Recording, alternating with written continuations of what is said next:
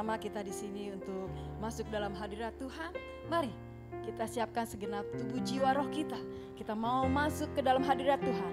Kita bawa segenap keluarga kita. Kita mau uh, bersama-sama bersatu hati, satu roh untuk menyembah Tuhan. Raja di atas segala raja. Haleluya. Haleluya. Bersama keluargaku melayanimu Tuhan. Bersatu sehati, sepikir, satu roh. Kami mau menyembah Tuhan, Raja di atas segala raja. Haleluya. Haleluya. Haleluya. Kami datang di hadiratmu Tuhan. Haleluya. Dalam satu hati, dalam satu hati, kami mau menyembahmu Bapa. Haleluya.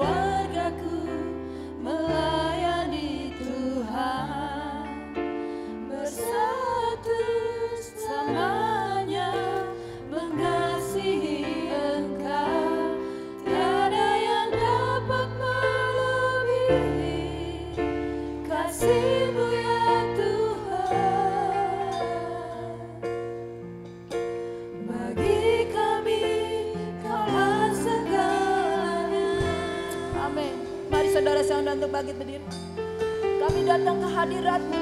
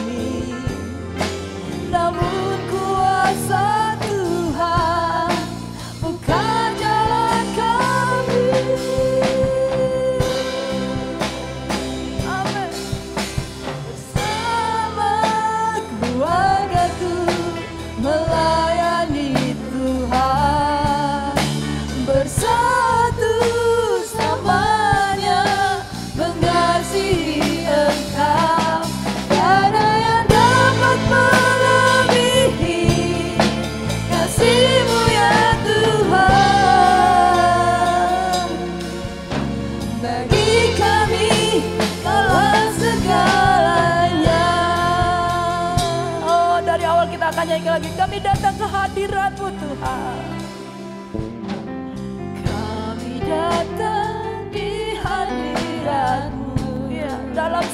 kasih. Dalam satu kasih dengan bersehati dengan bersehati. Haleluya berjanji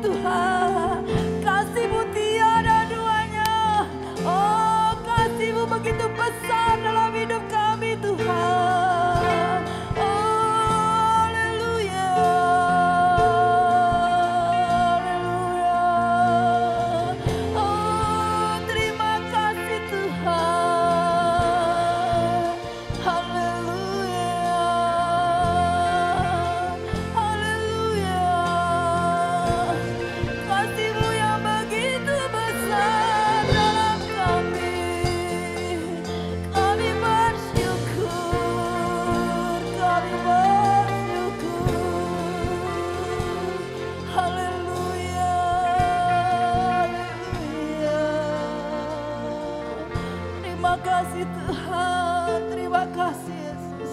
Oh, Engkau Allah kami yang setia. Engkau Allah yang selalu ada bersama kami. Kami bersyukur Tuhan, jikalau pada pagi hari ini Tuhan, kami boleh ada bersama-sama dengan saudara seiman Tuhan. Datang ke dalam baitmu Tuhan, datang ke dalam baitmu Tuhan. Kami hendak memujimu, kami hendak menyembahmu Tuhan. Oh kami bersyukur Tuhan. Kami ada saat ini semua karena anugerahmu. Kami ada saat ini semua karena kemurahanmu Tuhan.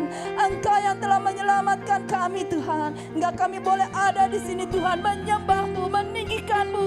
Raja di atas segala raja. Allah kami yang besar, Allah kami yang dahsyat. Terima kasih Tuhan, terima kasih Yesus. Terima kasih ya Bapa. Kami percaya Tuhan saat kami memujimu, saat kami meninggikan namamu Tuhan. Engkau yang bertata atas pujian umatmu Tuhan. Dan biar Tuhan kami boleh merasakan hadiratmu Tuhan. Oh hadiratmu Tuhan melawat kami saat ini Tuhan. Saat kami memujimu, saat menyembahmu Tuhan. Hadiratmu bekerja Tuhan.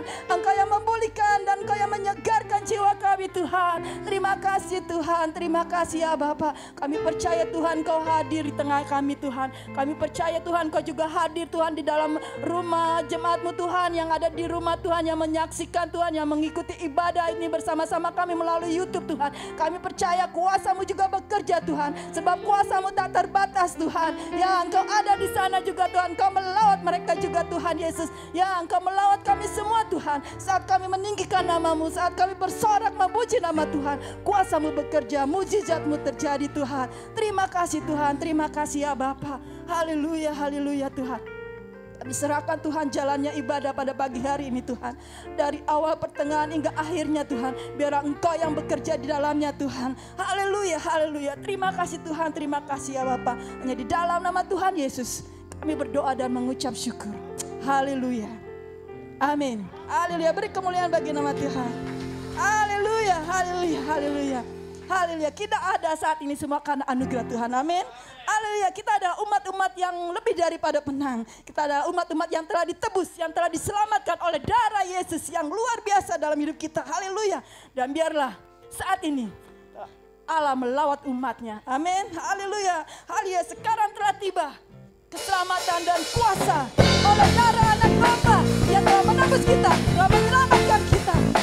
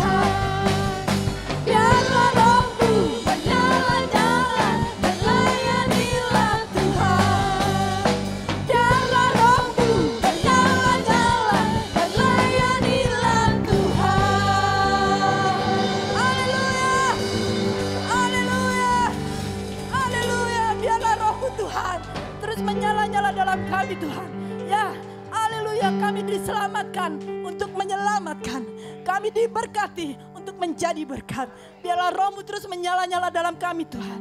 Ya, haleluya kami terbeban Tuhan. Buat jiwa-jiwa yang belum mengenal Engkau Tuhan. Kami terbeban Tuhan buat jiwa-jiwa yang belum diselamatkan. Oh Tuhan biarlah rohmu Tuhan terus menyala-nyala dalam kami. Tuhan memberikan keberanian bagi kami. Untuk kami boleh mewartakan keselamatan yang daripadamu Tuhan. Haleluya, haleluya. Ya Bapak, kami datang kepadamu Tuhan. Ya kami membawa doa kami kepadamu Tuhan. Ya buat jiwa-jiwa Tuhan yang belum terselamatkan Tuhan. Biarlah rohmu Tuhan terus-terus menyala-nyala dalam kami. Kami boleh bersaksi buat lain orang Tuhan. Kami boleh dapat memenangkan jiwa-jiwa Tuhan Yesus. Taruh dalam hati kami Tuhan. Ya kasihmu Tuhan. Taruh dalam kami Tuhan. Ya kasihmu Tuhan. Yang mengasihi jiwa-jiwa Tuhan. Kami sujud di hadiratmu Tuhan. Kami sujud di kakimu Tuhan. Merendahkan diri kami Tuhan. Bersatu dengan tangismu Tuhan Ya, untuk jiwa-jiwa yang belum mengenal Engkau, Bapa. Haleluya. Haleluya, Yesus.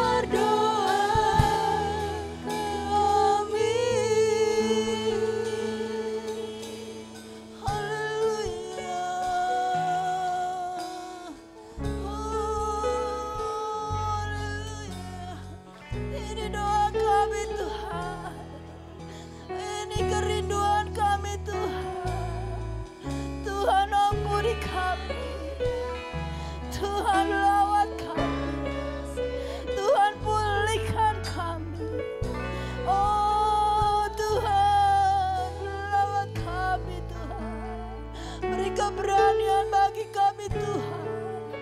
Oh, biar kami boleh dapat mewartakan Tuhan. Ya, berita keselamatan buat lain orang Tuhan. Oh, ya Tuhan. Oh, Tuhan, curahkan kuasa atas kami. Curahkan kuasa atas kami.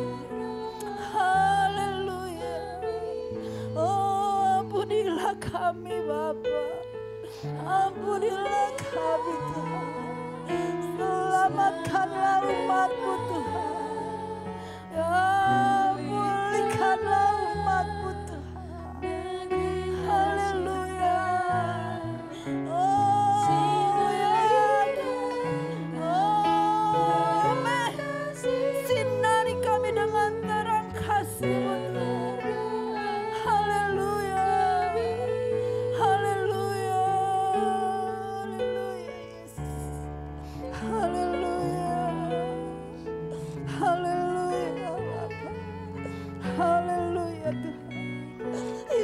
kami Tuhan. Engkau yang telah menebus kami. Engkau yang telah menyelamatkan kami Tuhan. Kami percaya Tuhan. Kuasamu Tuhan. Kau juga mencurahkan atas kami Tuhan. Jadikan kami hamba-hambamu Tuhan yang setia. Jadikan kami Tuhan hamba-hambamu yang taat akan firman Tuhan. Ya jadikan kami Tuhan hamba-hambamu Tuhan. Yang dapat bersaksi Tuhan buat lain orang Tuhan. Oh hanya engkaulah keselamatan bagi kami. Hanya engkaulah jalan keselamatan Tuhan. Ya Tuhan Yesus. Taruh dalam hati kami. Hati yang terbeban bagi jiwa-jiwa Tuhan. Hati yang terbeban Tuhan bagi mereka Tuhan yang belum mengenal Engkau. Oh, Yesus. Haleluya. Haleluya. Haleluya. Haleluya Tuhan. Ini kami Bapa. Kami datang di bawah kakimu Tuhan. Kami datang merendahkan diri Tuhan. Oh ya Bapa. Biarlah bebanmu Tuhan. Oh biar kami boleh dapat menyaksikan, mewartakan. Ya haleluya keselamatan yang kau telah beri bagi kami. Haleluya Yesus. Terima kasih Tuhan. Terima kasih Bapa. Haleluya. Haleluya. Kami sujud di kakimu. Amin.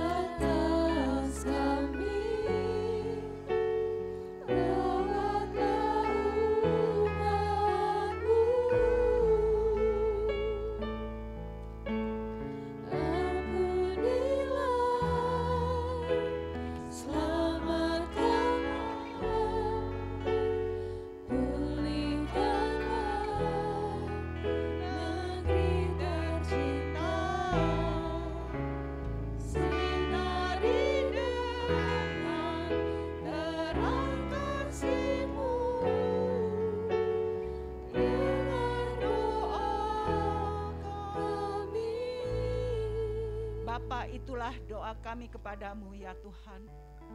Untuk lawatanmu Tuhan untuk bangsa ini. Untuk lawatanmu di dalam keluarga kami.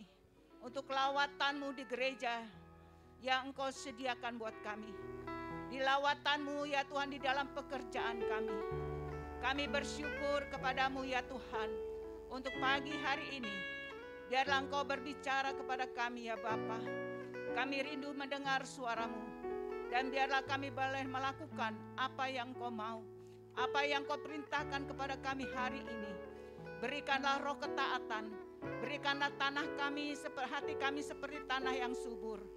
Kami bersyukur kepadamu Tuhan. Di dalam nama Yesus Kristus, pengurapanmu akan turun atas kami.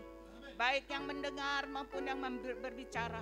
Kami sama-sama diberkati. Di dalam nama Yesus Kristus kami berdoa. Amin. Shalom Bapak Ibu yang kekasih dalam Tuhan, saya mohon maaf kalau saya harus buka masker. Usia udah makin lanjut, napas makin susah.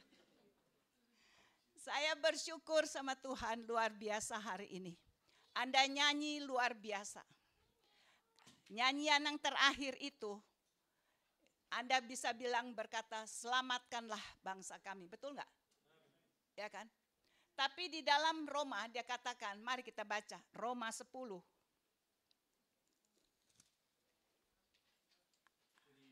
Ayat 4 sampai 15. Kita baca sambil bergilir ya. Saya ayat 4, Anda ayat 5. Kebenaran karena firman, eh karena iman. Sebab Kristus adalah kegenapan hukum Taurat, sehingga kebenaran diperoleh tiap-tiap orang yang percaya.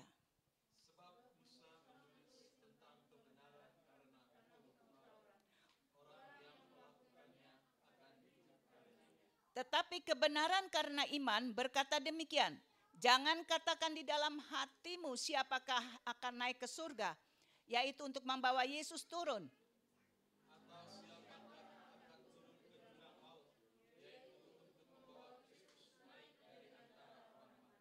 Tetapi apakah katanya ini, firman itu dekat kepadamu, yakni di dalam mulutmu dan di dalam hatimu. Itulah firman iman yang kami beritakan.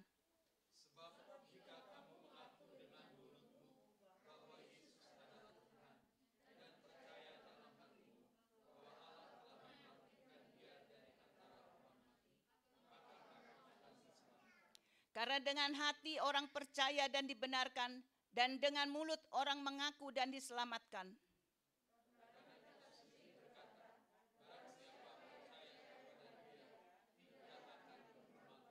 Sebab tidak ada perbedaan antara orang Yahudi dan orang Yunani. Karena Allah yang satu itu adalah Tuhan dari semua orang, kaya bagi semua orang yang berseru kepadanya.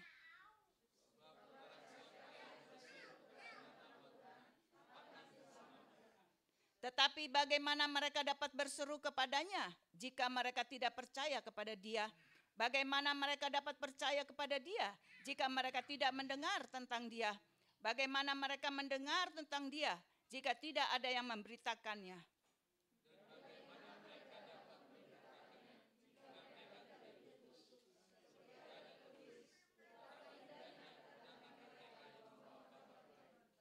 Saudara, ayat 14 itu benar-benar menegur kita hari ini. Karena Anda katakan bulan ini adalah bulan penginjilan bagi Anda. Minggu yang lalu jemaat telah mendengar firman Tuhan tentang penginjilan adalah tugas semua orang. Saudara, Anda tadi nyanyikan itu semua, ah saya hanya menyanyi, itu kan tugas pendeta. Itu kan tugas hamba Tuhan. Saudara tidak. Karena firman katakan di dalam kisah 1 ayat 8 di situ. Perintah loh itu. Di dalam Matius 28 ayat 19 di situ dikatakan perintah.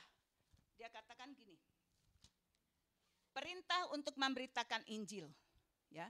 Di dalam ayat 19 dikatakan, karena itu pergilah, jadikanlah semua bangsa muridku dan baptislah mereka dalam nama Bapa dan Anak dan Roh Kudus. Jadi saudara yang kekasih dalam Tuhan, penginjilan itu itu bukan tugas hanya pendeta tok, bukan tugas hamba-hamba Tuhan tok, tapi kita semua hamba Tuhan. Jadi itu adalah tugas kita. Karena Tuhan katakan apa? Bagaimana mereka dapat berseru kepada Dia? Bagaimana jika mereka tidak percaya jika mereka tidak percaya kepada Dia? Bagaimana mereka dapat percaya kepada Dia? Jika mereka tidak mendengar tentang Dia, Bagaimana mereka mendengar tentang dia jika tidak ada yang memberitakan? Dan bagaimana mereka dapat memberitakan jika mereka tidak diutus?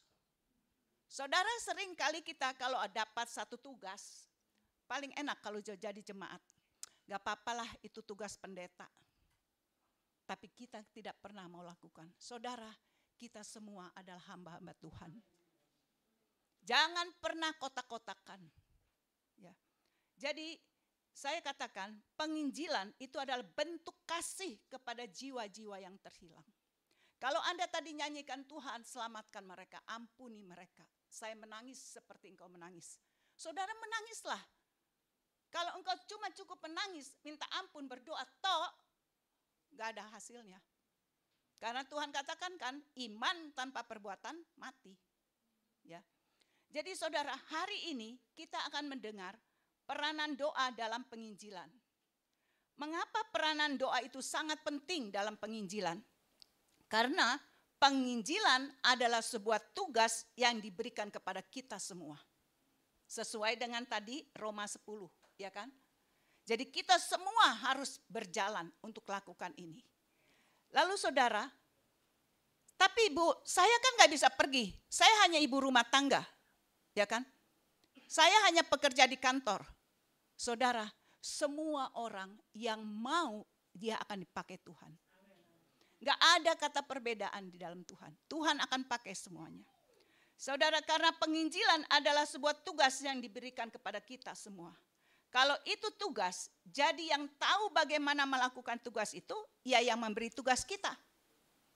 Jadi saudara, sebab itu kita perlu sekali berdoa dalam melakukan satu tugas penginjilan kita. Dan tugas penginjilan jangan kita pernah batasi. Oh, saya hanya harus pergi keluar kota untuk ketemu dengan orang-orang. Tidak, saudara. Itu penginjilan harus datang dari keluarga, dari pribadi kita, dari keluarga, dari gereja, dari kota, dari bangsa ini. Dari tempat pekerjaan kita. Kalau engkau lakukan ini saudara, semua sudah mendengar firman Tuhan. Semua sudah menjadi umat Tuhan. Tinggal tergantung kita mau nggak dipakai sama Tuhan. Itu saja. Saudara, tugas penginjilan dia katakan akan tetapi di dalam di dalam Titus 2 akan tetapi kamu ajarkanlah sesuai dengan pengajaran yang sehat. Dia bilang. Jadi di situ dikatakan saya katakan tadi bahwa semua orang itu bisa dipakai sama Tuhan. Karena saya percaya di dalam kisah Rasul itu semua tentang penginjilan. Semua orang yang dipakai Tuhan itu orang yang penuh roh kudus. Orang yang takut akan Tuhan. Orang yang mau dipimpin oleh roh kudus. Orang yang mau hidup bersama-sama dengan roh kudus. Itu loh saudara. Jadi saudara, di situ dikatakan siapa yang bisa? Semua orang. Di Titus itu jelas sekali saudara. Dia katakan laki-laki yang tua harus dapat menahan diri. Terhormat, menguasai diri, serta sehat dalam iman, dalam kasih, dan dalam ketekunan. Jadi kalau kita bayangkan, kalau kita ketemu bapak-bapak yang tidak hormat, kira-kira bisa nggak sih Injil itu bisa masuk ke mereka, ke orang-orang yang belum kenal Tuhan? Pasti kan dicela. Saudara, belajar loh. Ini ada bapak-bapak yang ada umur juga kan. Ini nggak ada yang muda semua, tapi ada yang bapak-bapak yang masih sudah tua. Mari kita jadi bapak-bapak yang dapat menahan diri. Jangan cepat emosi. Buang semua nafsu dunia. Baru engkau bisa penginjilan melalui dirimu. Baru engkau bisa katakan, Tuhan ini aku, utuslah aku. Belajar saudara seperti Cornelius. Belajar seperti Stefanus. Saudara, dia terhormat. Menguasai diri. Gak gampang ngomelin istri. Bagaimana bisa mau istrinya kenal Tuhan? Ngomelin istrinya melulu.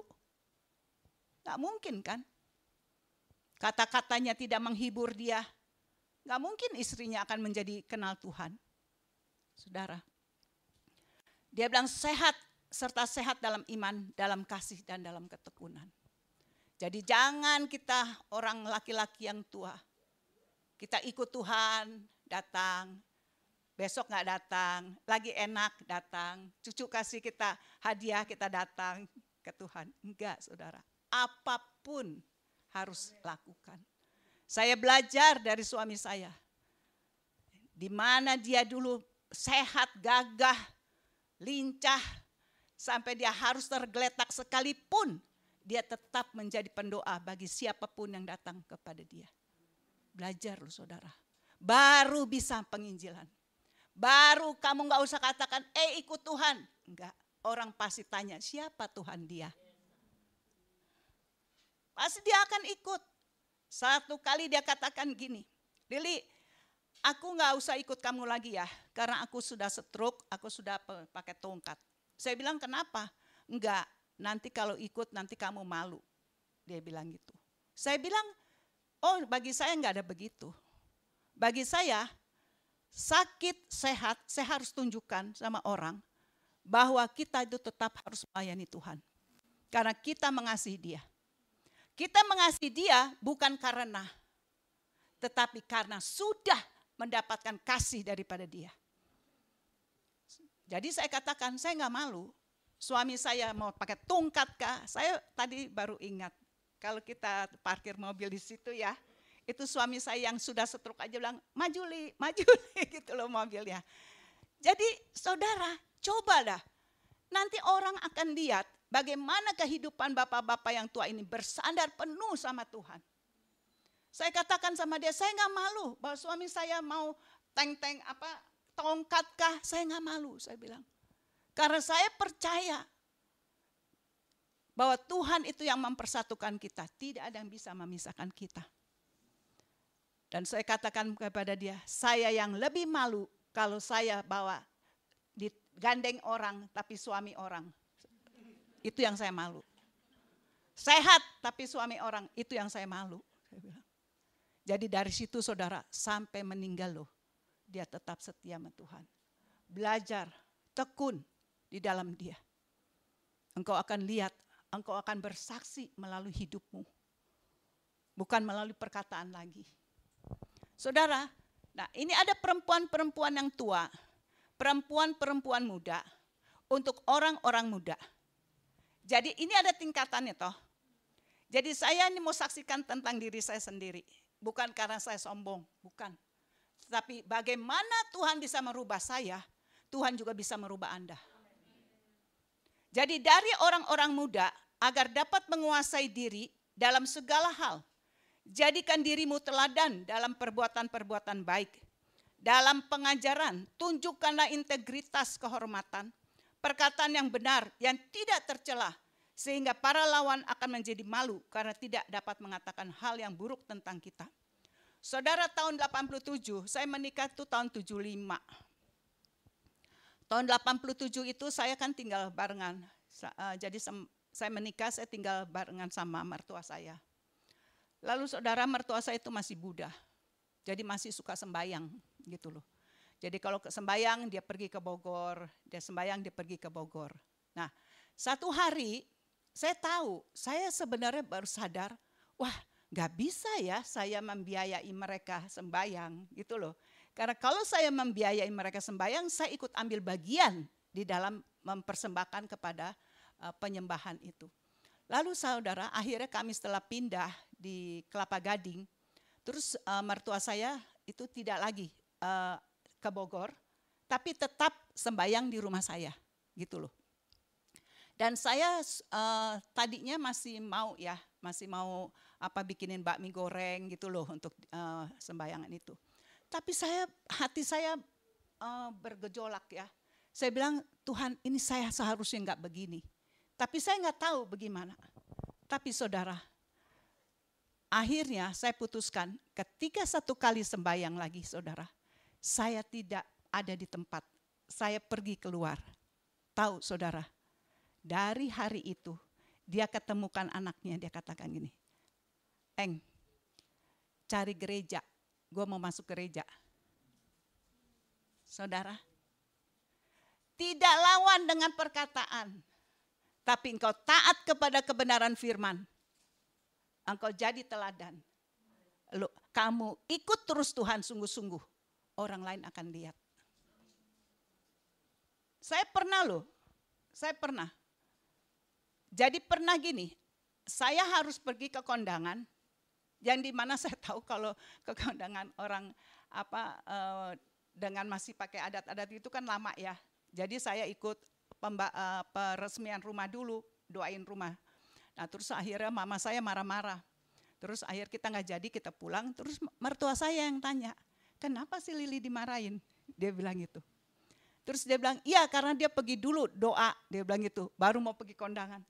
Emang apa salahnya? Lihat saudara, hati-hati loh kita. Yang terdahulu jadi yang terkemudian. Yang terkemudian jadi yang terdahulu.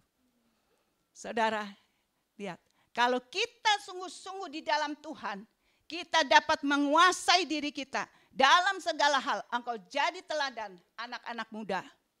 Engkau akan membawa banyak jiwa. Tapi jangan tolak, jangan kompromi. Teman-teman, nggak apa-apa pulang malam kita juga pulang malam. Jangan saudara. Kita yang harus jadi teladan. Sudah malam kita pulang. Baru engkau bisa penginjilan. Kalau sama-sama minum minum minuman yang gak benar, ya kan? Pergaulan yang gak benar, Anda duduk di situ tapi tidak jadi terang, gak ada penginjilan. Nah saudara, akhirnya perempuan-perempuan muda, naik nih ya, men, untuk mencintai suami, mengasihi anak-anaknya, menguasai diri, saleh, mengurus urusan rumah tangganya, ramah, tunduk pada suaminya, supaya firman Allah tidak dilecehkan. Saudara, tahun 85 itu adalah tahun pertobatan suami saya. Jadi di mana saya menikah dari umur 75 sampai tahun 80. Karena Anda suka marah-marah kalau suaminya pelit. Jangan bersyukur. Kenapa? Anda akhirnya berimannya kepada Tuhan. Itu kan yang benar. Kalau misalnya Anda ber, ber, beriman kepada suami, suami gaji kamu berapa? Tapi Tuhan gajinya tidak terbatas. Apa yang kita butuhkan dia sediakan. Makanya jangan marah dengan suami yang pelit. Bersyukur. Ya kan? Jangan marah saudara. Saya bersyukur. Kalau enggak, saya enggak punya iman seperti sekarang. Enggak ada apa-apa pun di kantong bisa jalan. Saya pergi kalau pelayanan cuma jalan sekali saja, pulang nggak punya apa-apa, saya jalan loh. Kenapa? Saya bilang Tuhan kalau engkau sudah bisa antar saya ke satu kota, masa saya nggak bisa pulang? Betul. Ini kesaksian satu. Saya pelayanan di JDN. Waktu itu sama mahasiswa. Saya dipanggil ke Surabaya. Mereka janji kasih saya tiket. Kereta pulang pergi. Ya. Akhirnya saya jalan ke situ, saudara tahu. Sampai di Surabaya sekalipun, uang tiket kereta saya yang pertama saya pergi itu nggak dibayar loh sama. Terus saya bilang, Tuhan ini bagaimana ya? Ini nggak ada uang lagi, mau pulangnya gimana? Tuhan bilang, tenang, kamu tanya aja sama dia. Udah aku tanya. Tuhan kalau saya mesti tanya orang itu yang datang. Datanglah dia lewat kamar saya. Saya tanya, eh kamu mana uang tiket saya yang pul yang pergi? Saya bilang gitu. Terus udah, akhirnya saudara, dia kata, lah kan tadi ibu udah dapat, saya dapat piagam. Saya cuma dapat piagam, saya bilang gitu. Sudah, akhirnya dia kasih tuh uang yang itu seratus ribu, aku ingat banget. Sudah, jadi uang tiketku yang pergi itu dikasih kembali. Pulanglah saya ke Surabaya. Dia bilang, lah tiket saya pulang mana? Ntar bu, ibu ketemu di stasiun, ntar ada orang yang kasih. Udah. Sampailah saya besok ke sana, pagi-pagi ke stasiun, terus tahu apa saudara? Saya ketemu orang yang lagi cari-cari. Saya bilang, eh kamu lagi cari Ibu Lili ya? Iya bu, katanya. Terus saya bilang, ini saya. Saya bilang, sudah dong, saya ambil tiketnya. Tuh orang kok nggak mau pergi ya? Saya bilang, kamu belum dibayar? Belum bu. Untung saya taat sama Tuhan, minta yang 100 ribu itu. Tiket pergi. Tapi ah, saya tetap bisa pulang. Jadi saudara, iman seperti itu tidak dapat dilatih tanpa punya suami yang pelit. Benar. Ini suami-suami jangan kegirangan. Ya.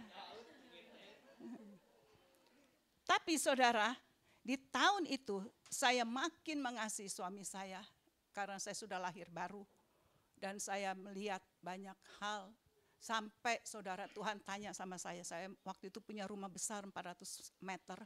Tuhan tanya saya, Li, apakah kamu mau rumah ini atau mau keselamatan suamimu? Saya bilang, Tuhan saya mau keselamatan suami saya.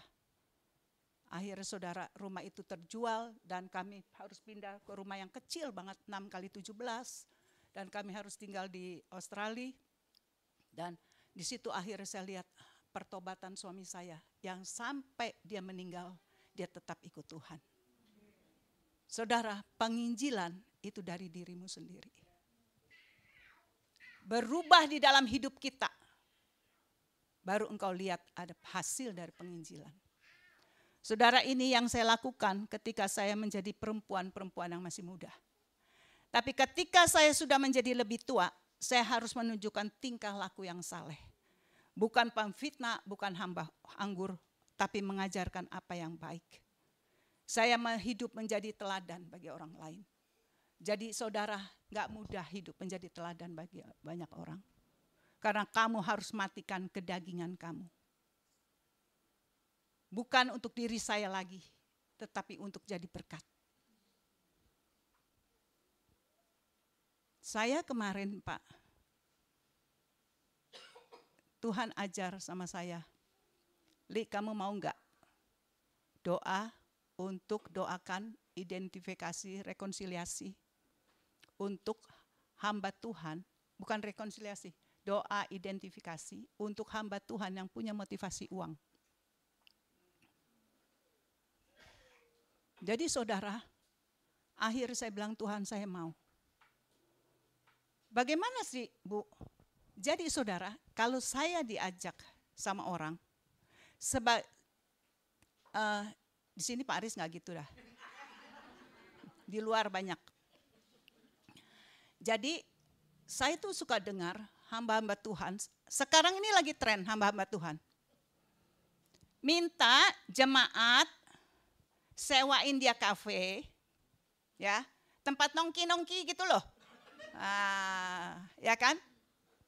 Lalu dia katanya ngomongnya rohani, tapi dibayarin sama orang.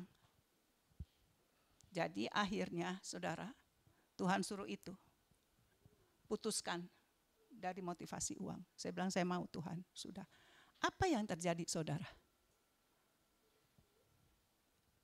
Kalau kita hamba Tuhan, biasa kan dibayarin toh. Betul nggak? Walaupun kadang-kadang jemaat kesel juga loh, duitnya cuma segitu, mesti bayarin pendeta lagi. ya kan? Tapi saudara, hari itu berapa minggu saya harus bayarin orang makan. Jadi jemaat uh, apa murid sekolah doa yang Pak Sutri selesai, saya ajak mereka makan, Tuhan bilang kamu bayar. Saya bilang Tuhan kau dahsyat amat ya. Kenapa? Kemarin baru orang setor. Kemarin baru orang transfer ke saya. Oh buat ini ya, buat bayarin orang makan. Udah. Sekali lagi saudara, kaum pendoa-pendoa belajar di rumah. Saya ajak mereka makan. Saya pikir gue bakarin yang dimakan deh ya yang dia bawa pulang dia bayar sendiri toh. Tapi enggak loh, Tuhan bilang semua kamu harus bayar. Ya saya bayar. Karena apa? Ada orang juga transfer. Jadi sebenarnya hamba Tuhan itu lebih kaya dari Anda.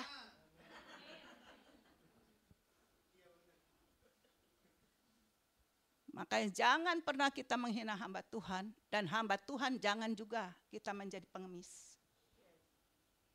Karena Tuhan itu luar biasa. Bagaimana kita sebagai hamba Tuhan kalau kita seperti itu? Bagaimana kita bisa menginjil? Maka saya bilang di dalam COVID ini seharusnya kita hamba-hamba Tuhan pada sadar semua.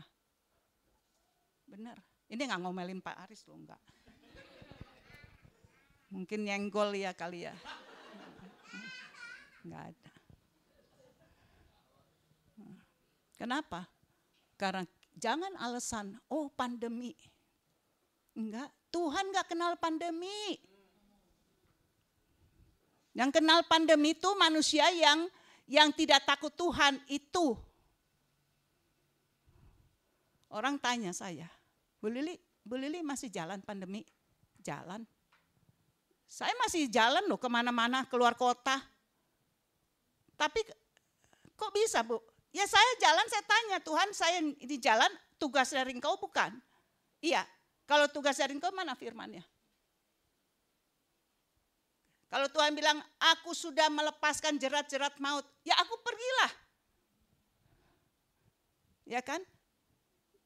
Bukan karena sombong, oh gue mau lawan pandemi. Enggak, siapa yang bisa lawan? Orang roh kematian kok. Ya kan? Ini loh saudara. Terus akhirnya, di situ saya belajar, hidup ini harus menjadi teladan. Hidup ini harus matikan mau berkorban matikan kedagingan. Gitu loh. Lalu di, situ dikatakan lagi, hormat orang eh, apa hamba-hamba itu harus hormat. Ya. Saya satu kasih kesaksian dibilang ini. Hamba tuh hamba-hamba harus tunduk kepada tuan-tuan mereka dalam segala hal.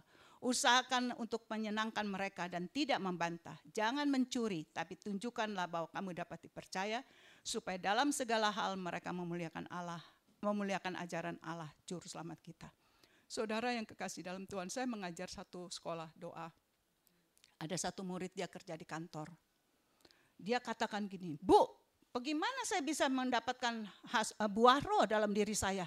Orang uh, apa atasan dia benci dengan dia? Dia bilang gitu. Saya bilang kan firman katakan kalahkan kejahatan dengan kebaikan. Sudah, sekarang tanya, cari tahu sama dia. Apa yang dia paling suka? Jadi bosnya itu apa yang paling suka? Kamu bawa, taruh di meja dia. Nggak usah kamu yang kasih lihat, kamu taruh aja di mejanya dia. Sekali, dua kali, Sampai dia tanya, ini siapa sih yang bawa terus? Karena mak, yang dia bawa yang dia suka. Jadi seneng dong hati dia. Sampai dia tanya, siapa yang bawa ya ini? Satu kali kepergoklah dia. Dia taruh itu di atas mejanya.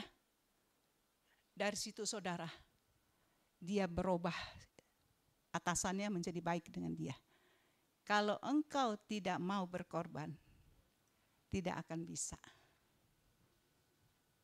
Nyanyian tadi itu perlu pengorbanan kita. Ya kan? Di situ akhirnya dikalahkanlah kejahatan melalui kebaikan. Baru kita bisa menginjil, baru kita bisa katakan Tuhan baik. Dan di dalam menginjil, hati-hati loh.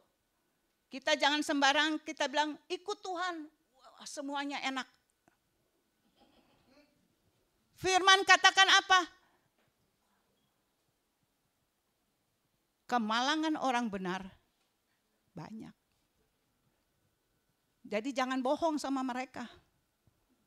Kemalangan orang benar banyak. Tapi dia menyelesaikannya bagi kita, ya kan? Kalau orang lain mungkin kemalangannya orang benar banyak. Tapi dia nggak ada Tuhannya.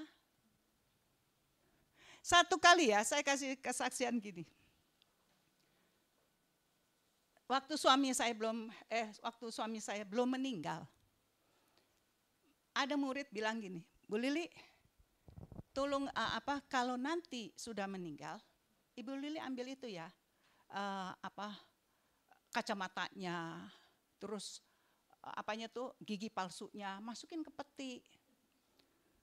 Saya cuma tanya Tuhan, apa benar ini ajaran orang?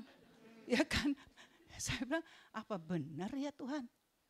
Tuhan cuma bilang gini, Li, kan aku kalau ambil lantas tubuh kemuliaan yang ada.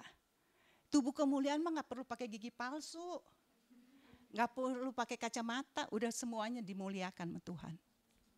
Lalu saya tanya lagi, terus akhirnya saya ingat tuh, terus kan kalau ada mereka kan ada yang bakar-bakar rumah ya untuk hantar dia. Terus lalu Tuhan ingetin saya, kita nggak perlu bakar-bakar rumah. Kenapa? Lah, kan aku pulang ke sana menyiapkan tempat tinggal buat dia. Oh iya ya Tuhan, lihat saudara. Kalau engkau dalam keadaan apa pun, engkau percaya kebenaran firman, engkau baru bisa penginjilan. Tapi firman Tuhan di dalam saja engkau nggak percaya, bagaimana? Percaya dalam segala keadaan apa pun, dia tetap Tuhan.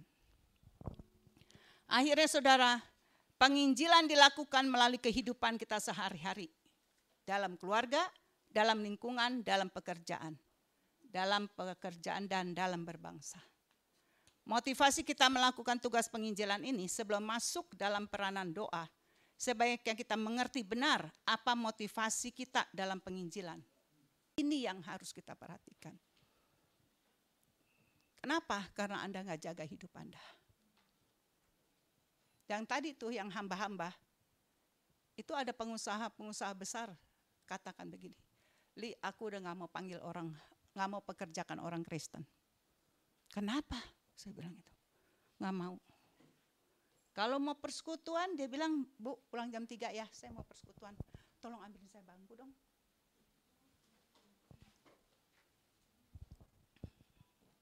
Di sebelah situ aja. Nah, thank you ya.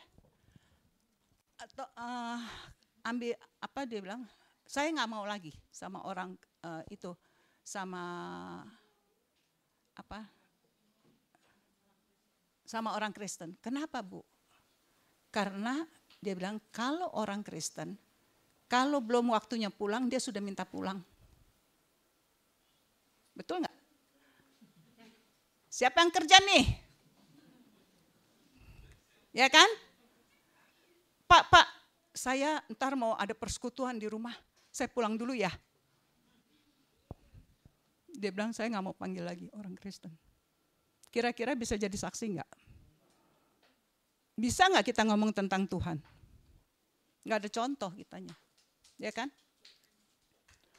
Lalu saudara, yang kedua motivasi kita dalam penginjilan, supaya sesudah kita memberitakan Injil, kita tidak ditolak Tuhan. Makanya jaga hidupnya. Ini AC keliwat dingin, Pak. Hmm. Keliwat dingin, saya nggak tahan.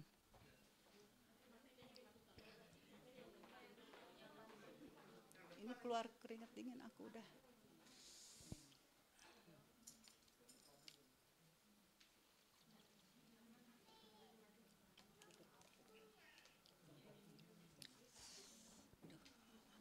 Aku nggak tahan loh, dingin sekali.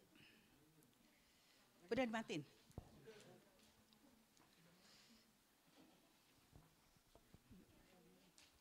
Yang ketiga, saudara, Motivasi kita melakukan penginjilan supaya kita tidak bercacat pada hari kedatangannya. Jadi apa? Kita memberitakan orang tentang Injil, tentang Tuhan Yesus. Ya kan? Tapi kita tidak mau hidup di dalamnya, di dalam perintah dan ajaran ajarannya, bagaimana kita mau hidup tidak bercacat? Pasti kita bercacat. Tapi kalau kita katakan, eh Tuhan Yesus itu baik loh. Tapi kelakuan kita nggak baik, bagaimana?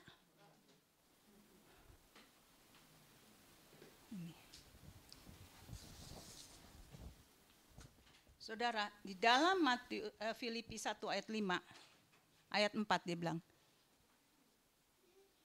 Doaku untuk kamu semua, aku selalu berdoa dengan sukacita karena kerjasama yang kamu berikan dalam pemberitaan Injil sejak hari pertama sampai sekarang. Inilah doaku kiranya kasihmu semakin bertambah-tambah dengan pengetahuan dan segala hikmat. Sehingga kamu dapat memilih apa yang terbaik supaya dirimu tulus dan tidak bercacat pada hari Kristus. Sebab itu mengapa kita mengerti sekarang, mengapa bagaimana peranan doa itu sangat penting dalam penginjilan. Karena doa itu mengubah karakter pendoa itu sendiri. Betul? sehingga memiliki karakter Kristus. Contoh orang yang dipakai Tuhan di dalam penginjilan itu Cornelius. Dia orang takut akan Tuhan, saleh. Doanya itu naik ke hadirat Tuhan.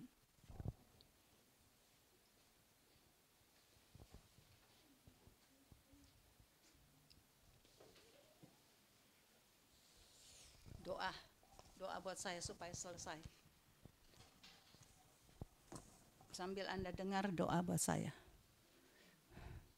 mengubah karakter pendoa sendiri sehingga memiliki karakter Kristus dengan menghasilkan buah roh dalam hidupnya. Bagaimana kita bisa saksikan tentang Tuhan kalau kita nggak punya buah roh? Betul nggak? Lalu dia bilang, doa itu membawa kesejahteraan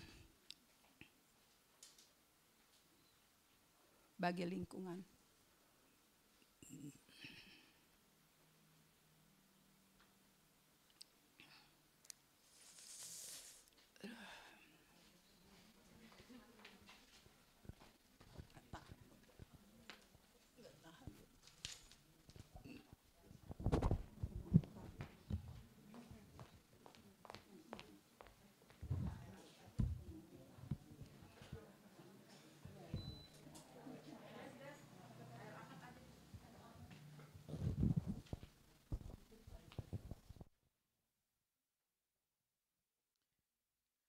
Mari kita akan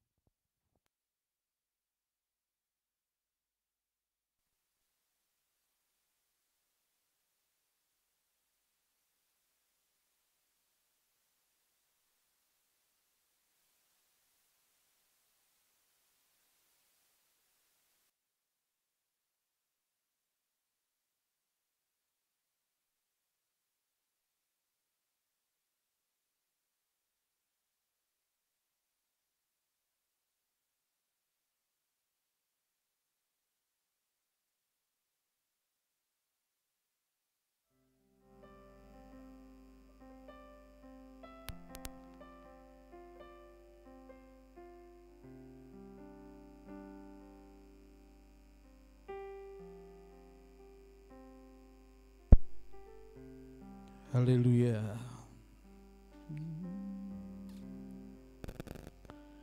Haleluya.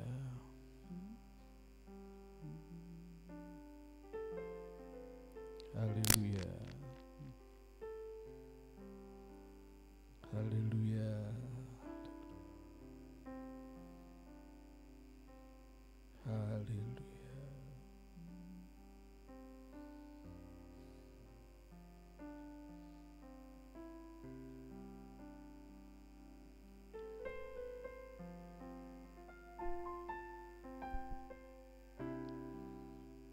Haleluya.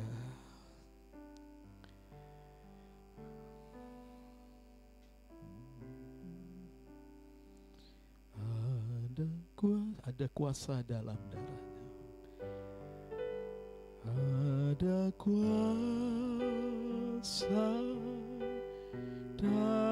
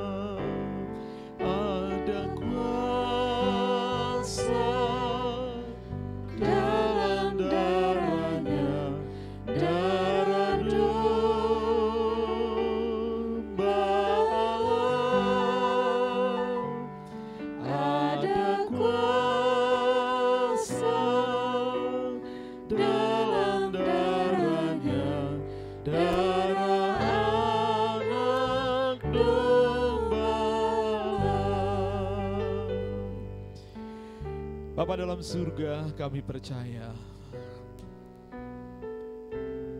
bahwa kuasa darahmu Tuhan tetap ya dan amin adanya dulu sekarang dan sampai selama-lamanya. Kami percaya bahwa tidak ada yang dapat menghalang-halangi Injil diberitakan. Kami percaya ya Tuhan, segala sesuatu yang coba iblis hancurkan justru menghadirkan kekuatan dan mujizat Tuhan dinyatakan. Kami teramat percaya ya Tuhan.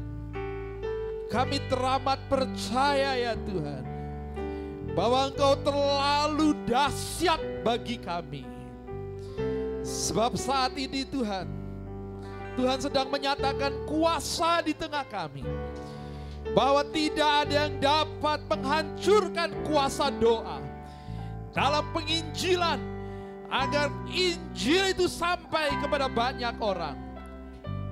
Dan Engkau Tuhan tetap yang ditinggikan dan menarik banyak orang untuk datang dan percaya padamu. Terima kasih Tuhan buat waktu-waktu ini.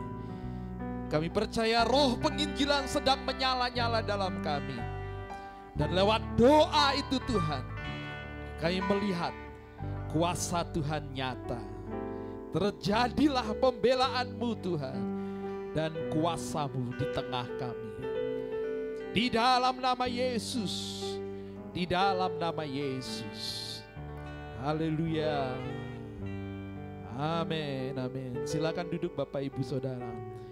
Pada pagi hari ini saya akan melanjutkan dengan beberapa kesimpulan yang sudah saya siapkan melalui apa yang hambanya sudah share lebih dahulu ke saya.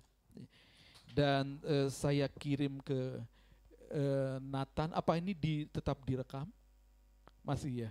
Eh, oke okay, baik. Saya kirim ke Nathan bahannya.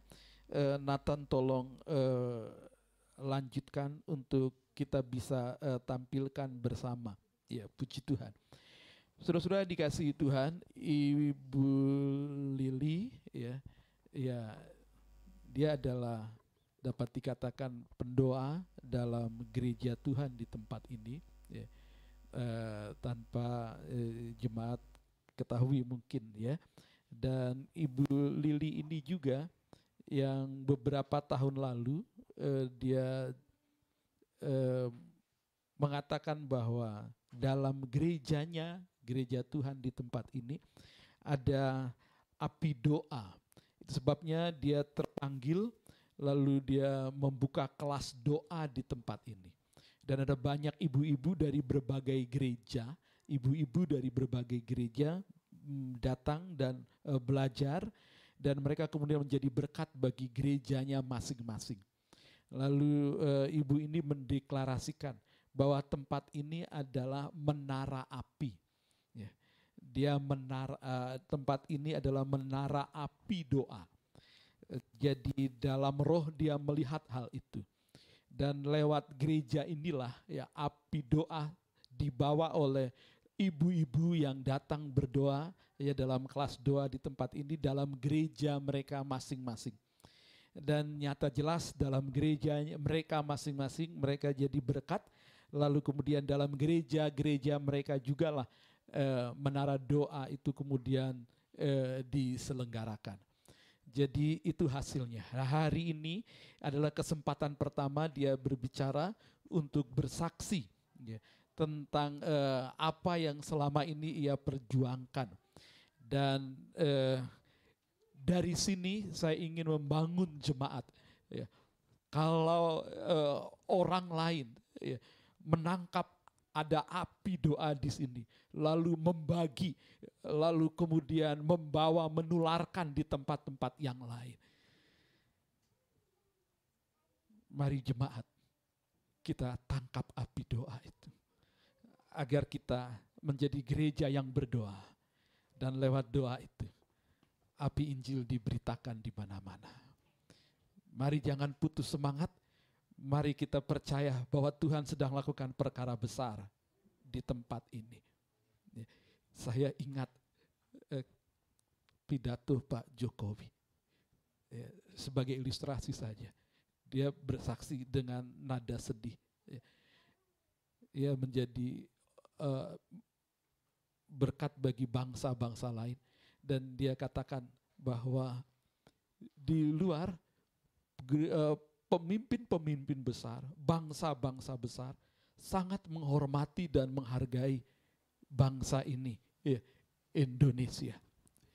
Tetapi dia katakan tetapinya dengan eh, perlahan, ya. Tetapi di negeri sendiri dicibirkan begitu ya, dan dia sangat sedih tentang hal itu. Nah itu biarlah eh, menjadi satu peringatan bagi kita eh, agar kita jangan sampai seperti tikus mati di gudang padi, di lumbung padi. Ya. Tangkap api doa dalam gerejanya tempat ini. Dan mari keluarga demi keluarga kita bergairah untuk kobarkan api doa itu yang membawa kita menjadi pembawa Injil di mana saja. Baik, peranan doa dalam penginjilan. Ya. Eh, saya membagi ini, saya, saya tidak tahu ya bahwa yang ini akan terjadi. Eh, ibu- rupanya, eh, ya. Komitmen agung terhadap perintah agung dan amanat agung menghasilkan gereja agung. Yang pertama, peranan doa dalam penginjilan. Berdoa agar orang percaya memiliki hati yang mengasihi bagi jiwa-jiwa yang tersesat. Minggu pertama kita berbicara dengan hal ini. Hari Rabu itu dihidupkan.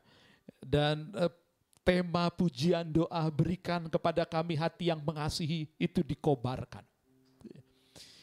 Berdoa bagi orang yang belum percaya hari ini. Sekali lagi kita angkat pujian yang tadi. Dan itu biarlah bergelora dalam kita. Saudara-saudara, penginjilan bukanlah penginjilan bukanlah memberitakan agar orang menjadi agama Kristen. Penginjilan bukanlah propaganda agar falsafah Kristen itu eh, diterima oleh orang lain. Penginjilan bukanlah mengajarkan moral yang baik ya, penekanannya. ya.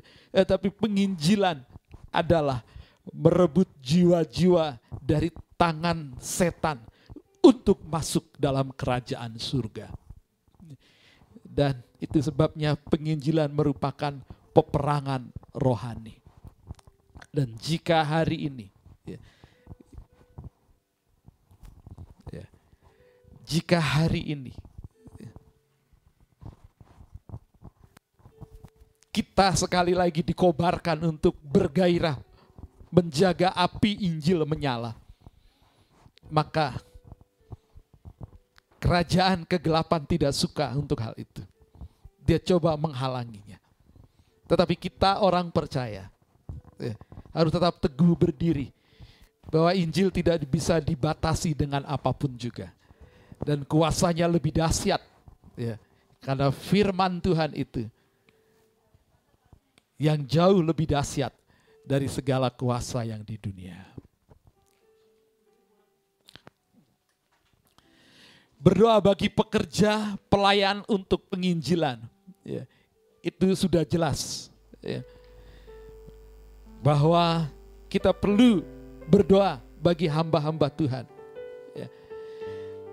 Agar roh Tuhan mengurapi.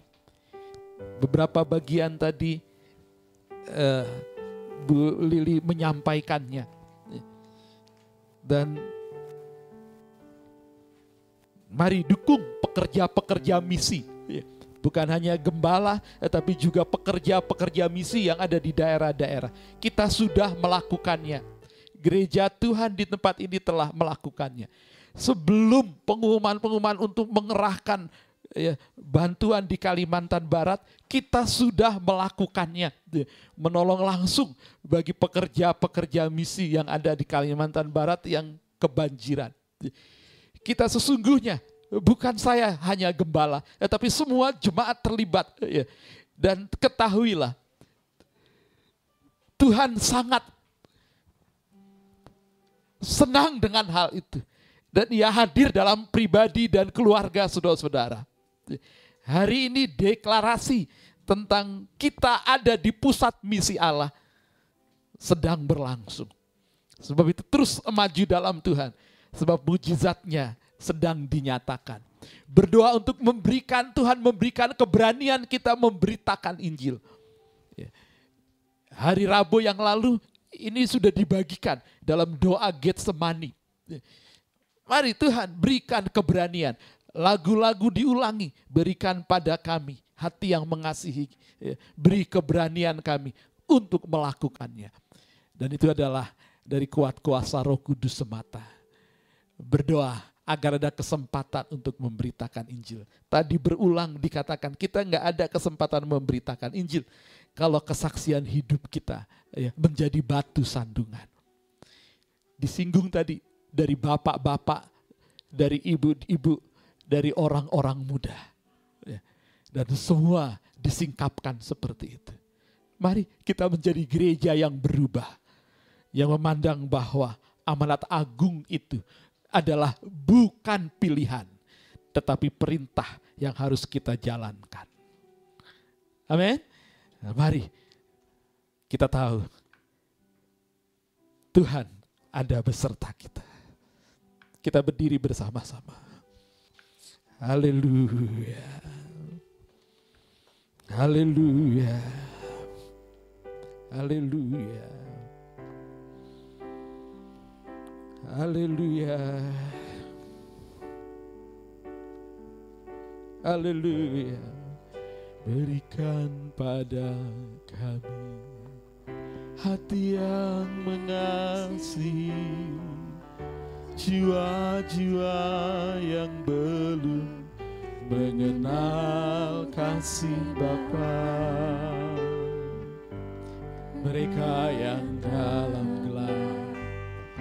mereka yang tersesat hati kami iba seperti hatimu Yesus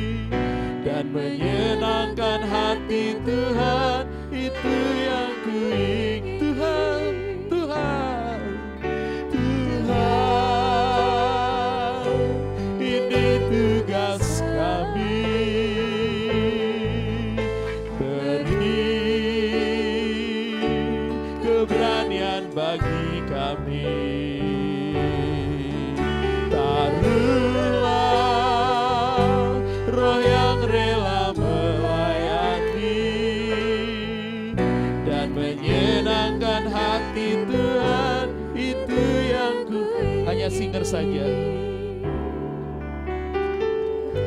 Bapa dalam surga, kami satukan hati kami dalam iman kepada Yesus Kristus. Berdoa memberkati hambamu Ibu Lili. Tuhan engkau dengan kuasa penginjilan itu. Dengan kuasa yang dahsyat oleh roh kudus. Ia tetap dalam perlindungan Tuhan. Ia baik dan sehat-sehat saja. Dalam nama Tuhan Yesus Kristus. Ia tetap kuat dan sehat secara rohani juga secara rohani ya secara jasmani ia sehat-sehat dan kuat tetap. Haleluya dalam nama Yesus Kristus. Apa berdoa juga Tuhan buat setiap kami yang mendengar. Baik yang ada di rumah, di tempat masing-masing dan kami yang ada di sini. Roh doa, roh penginjilan itu jauh lebih besar kuasanya dari segala yang ada di dunia. Di dalam nama Yesus Kristus, kami tetap bergairah, kami tetap menyala-nyala bagi Tuhan. Dan roh Tuhan yang membawa kami kepada kemenangan demi kemenangan akan terus membawa kami kepada kemenangan demi kemenangan berikutnya. Gerejamu di tempat ini tetap menjadi gereja yang misioner, yang mencetak banyak hamba-hamba Tuhan, yang mencetak semua jemaat-jemaat untuk mereka menjadi berkat di mana pun mereka ada, di dalam rumah, di dalam tempat kerja, di masyarakat, dan di mana pun mereka ada. Jemaat ini dibangun dan hidup dalam takut akan Tuhan, dan jumlahnya bertambah besar oleh pertolongan dan penghiburan Roh Kudus. Di dalam nama Yesus, firman Tuhan tak pernah gagal, kasih Tuhan tak pernah gagal. Sampai Maranatha, banyak jiwa-jiwa akan bertelut mengaku Yesus Kristus adalah Tuhan bagi kemuliaan Allah Bapa. Terima kasih Tuhan Yesus buat pagi hari ini. Kami tetap sebagai pemenang di dalam peperangan rohani ini bagi kemuliaan Yesus Kristus. Terjadilah di dalam nama Yesus Kristus. Haleluya. Amin. Puji Tuhan, silakan duduk saudara. Baik, eh, saya minta media ini selesai, ya, tidak direkam lagi dan tidak di live streaming ke YouTube. Sudah tutup ya? Oke, baik. Api Kristus sudah